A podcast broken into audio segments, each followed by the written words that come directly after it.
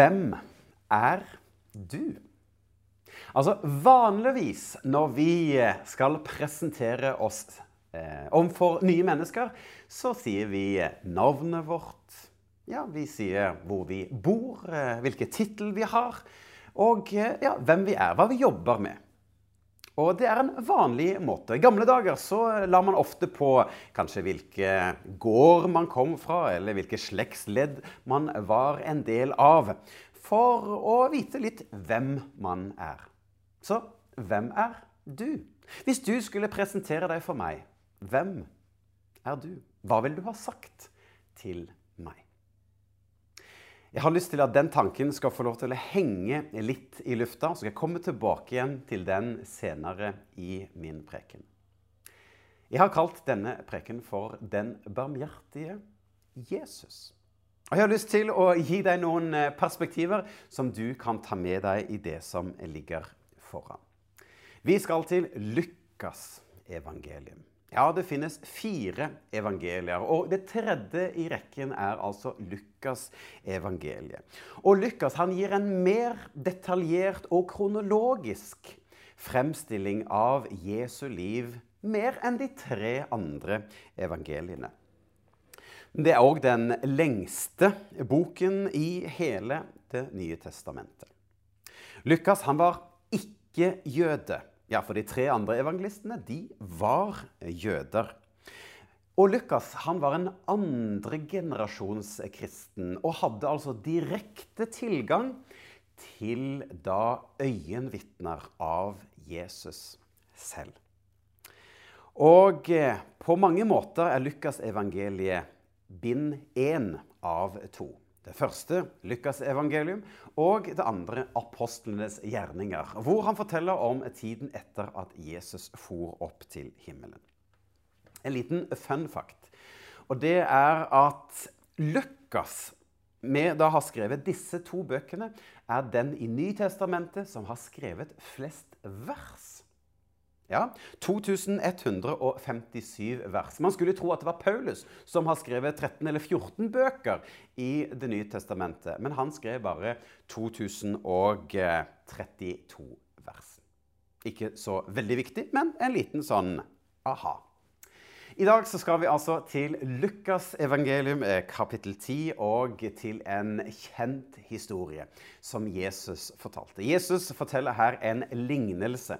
Og Jesus fortalte ofte lignelser. Og en tredel av Jesu undervisning er nettopp lignelser. Altså hverdagshistorier hvor Jesus forteller om Guds rike ved å peke på noe hverdagslig. Ja, en bonde eller en åker eller et fikentre osv. For å fortelle noe dypere. Og I dag skal vi altså til en av de mest kjente lignelsene som Jesus eh, har fortalt. Men jeg har lyst til mot slutten av preken å gå en litt annen retning enn det du har kanskje tenkt på før. Men følg med. Vi går altså til Hverdagsbibelen, og der står det. En lærer i de gamle skriftene dukket opp og ville teste Jesus. Derfor spurte han, 'Mester, hva skal jeg gjøre for å få et evig liv?' Jesus svarte, hva sier de gamle skriftene om det? Hva har du lest der? Han svarte. Står, der står det at du skal elske Herren din Gud av hele ditt hjerte, av hele sjelen og av all din makt. Og at du skal, gjøre, at du skal elske dine medmennesker som deg selv. Da sa Jesus, du har svart rett. Gjør det, så får du evig liv. Men mannen ville rettferdiggjøre seg selv, så han spurte Jesus. Men hvem er egentlig mine medmennesker? Så nå svarer altså Jesus denne læreren med å fortelle altså en av de mest kjente og kjære lignelsene. Den barmhjertige samaritan.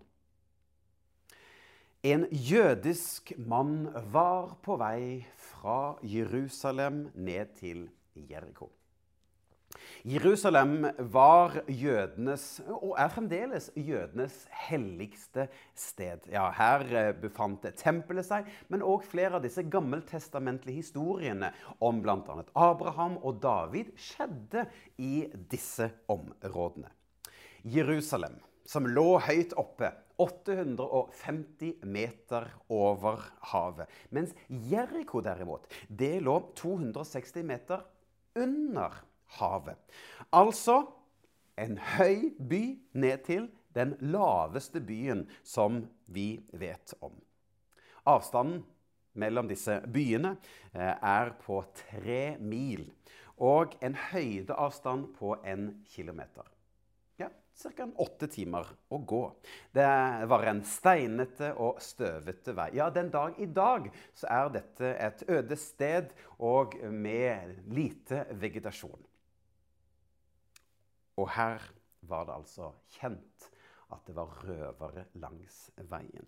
På veien ble han overfalt av tyver. De tok av ham klærne, slo ham til han nesten var død, og lot ham ligge igjen ved veikanten. Etter en stund kom det tilfeldigvis en prest gående på samme veien. Da han så den forslåtte mannen, skyndte han seg over på den andre siden av veien og gikk fort videre. Så kom det en levitt gående.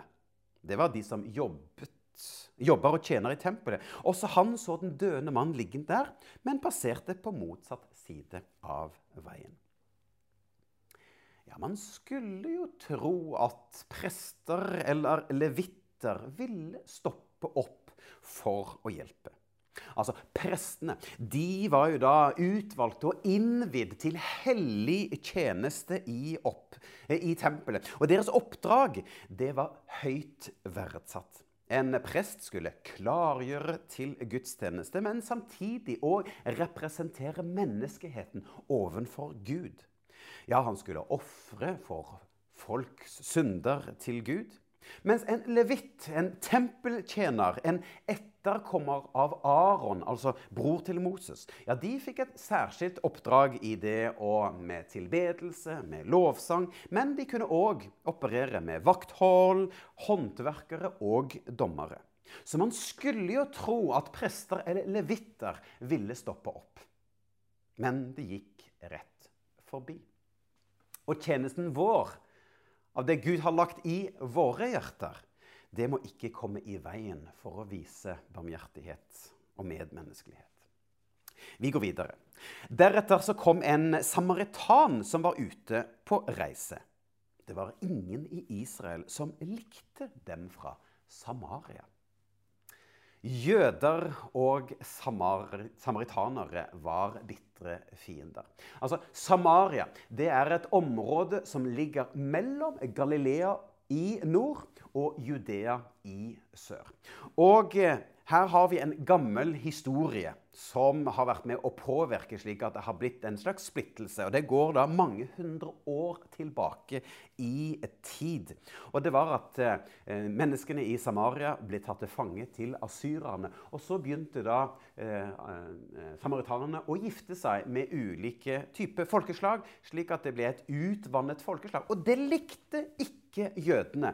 Og Derfor så ble det stor uenighet. Ja, de trodde på den samme Gud, men de var ikke enige. Og så hadde det òg ulike diskusjoner rundt tilbedelsesstedet. Hvor skal man tilbe Gud? Ja, Jødene mente jo at det var Jerusalem. Mens da de, samaritanerne mente at det kunne være eh, et annet sted i Gerisimfjellet. Den historien kan du lese om da i Eh, Johannes 4, som bl.a. denne eh, samaritanske kvinnen spør litt om. Men nok om det. Det var en konflikt mellom jøder og samaritanere som var blitt til en stor fiendskap mellom to folkegrupper. Vi gir videre i teksten. Men da samaritaneren så mannen ligge der i veikanten, fikk han dyp medlidenhet med han. Han gikk bort for å hjelpe han, renset sårene med olje og vin og la bandasje på dem. Så løftet han mannen opp på eselet sitt og tok ham med til et vertshus, der de tok seg av ham. Jesus han henvender seg til læreren som ønsket å sette Jesus på prøve, og sier, 'Hvem av disse tre synes du var et medmenneske for mannen som ble overfalt av røverne?' Han sa, 'Det var han som eh, tok seg av ham.' Da sa Jesus til ham, 'Gå du og gjør det samme.' Gå du og gjør det samme. Ja, jeg, jeg, kunne nå ha gått videre og snakket om barmhjertighet og medmenneskelighet og godhet, som vi kristne blir utfordret at vi skal være slik som Jesus. Men jeg har lyst til å gå en annen retning i dag. Fordi at vi møter Jesus igjen ved en annen anledning med et esel. Nemlig palmesøndag, hvor Jesus triumferende kommer inn i Jerusalem under påskehøytiden. Og, høy, og hensikten hans var dette å gå smertens vei for alle mennesker ved å kjøpe oss fri fra synden og dødens lov med å gi oss det evige liv. Så mitt hovedspørsmål i dag er Kan også historien om den barmhjertige samaritan være òg historien om den barmhjertige Jesus. Innledningsvis så spurte jeg deg hvem er du? Altså Navn og tittel og bosted. altså Hva er du? Hvilken identitet? Hvem er du? Så bli med da på denne tanken her. Fordi at den onde Vi vet at han er ute for å stjele, myrde og ødelegge, sier Bibelen. Og disse tre røverne de kom jo og røvet ved å stjele fra denne mannen, slik at han ble liggende døende igjen i veikanten. Hva om den onde òg kommer for å stjele fra oss? Vårt navn, rykte, tittel, bosted, familie, slekt, venner. Slik at vi òg blir liggende igjen døende. Jeg snakker selvsagt billedlig her at vi kan komme i utfordringer, vanskeligheter. Kanskje vi kommer i situasjoner hvor andre sier eller gjør noe vondt mot oss. Eller vi får et rykte som ikke stemmer, og så blir vi liggende der igjen. Nedslått. Frarøvet det vi hadde. Vi kan alle oppleve slike episoder hvor den vi er, det vi står for, det blir røvet fra oss. Men det er da Jesus kommer med en utstrakt hånd. Slik som denne barmhjertige samaritan. Han strekker ut sin hånd mot oss som ligger der i veikanten, og løfter oss opp. Og bytter plass ved at han satt på eselet. Nå er det han som går av eselet og løfter oss opp og setter oss opp på eselet. Og frakter oss, bærer oss videre gjennom det som er krevende. For i Jesus, gjennom Jesus, så kan vi finne vår identitet om hvem vi er. At kanskje ikke det er nødvendigvis vårt bosted eller tittel som er det viktige, men vi, hvem vi er i Jesus. Du er Guds barn. Du er elsket. Du er tilgitt. Du er verdifull. Og du er invitert til et fellesskap med Jesus der hvor du er i ditt liv. Han elsker deg med en uendelig, ja, en ufattelig, ja, nesten uforståelig stor kjærlighet. Han kommer med en utstrakt hånd til deg. Herrens velsignelse er en flott måte å avrunde en gudstjeneste på. Det å kunne be om at Gud skal gjøre det beste for oss mennesker. Men Herrens velsignelse har òg gitt meg et bilde på noe av det Gud gjør for oss. Jeg kan spole kort tilbake igjen da Moses ble kalt. Kanskje du husker at Moses fikk se denne brennende busken. Og Moses kom, og da hører han stemmen 'ta av deg skoene, for du står på hellig grunn'. Og Moses han tar seg skoene og bøyer seg ned ved denne brennende busken hvor Gud var til stede. Og så kan vi da lese altså Herrens velsignelse i denne konteksten. At Herren velsigner deg og bevarer deg. Herren lar sitt ansikt lyse over deg. Herren løfter sitt åsyn på deg. Ja, for det er når jeg er svak, når jeg ligger nede, så kommer Jesus, eller så kommer Gud med sitt ansikt og lyser på oss. Og han løfter vårt hode når vi er svake, til å kunne si at min nåde er nok for deg. Du er tilgitt, du er elsket. Og dette skal være din identitet. At Gud er for deg. Hvem kan da være mot oss, sier Bibelen.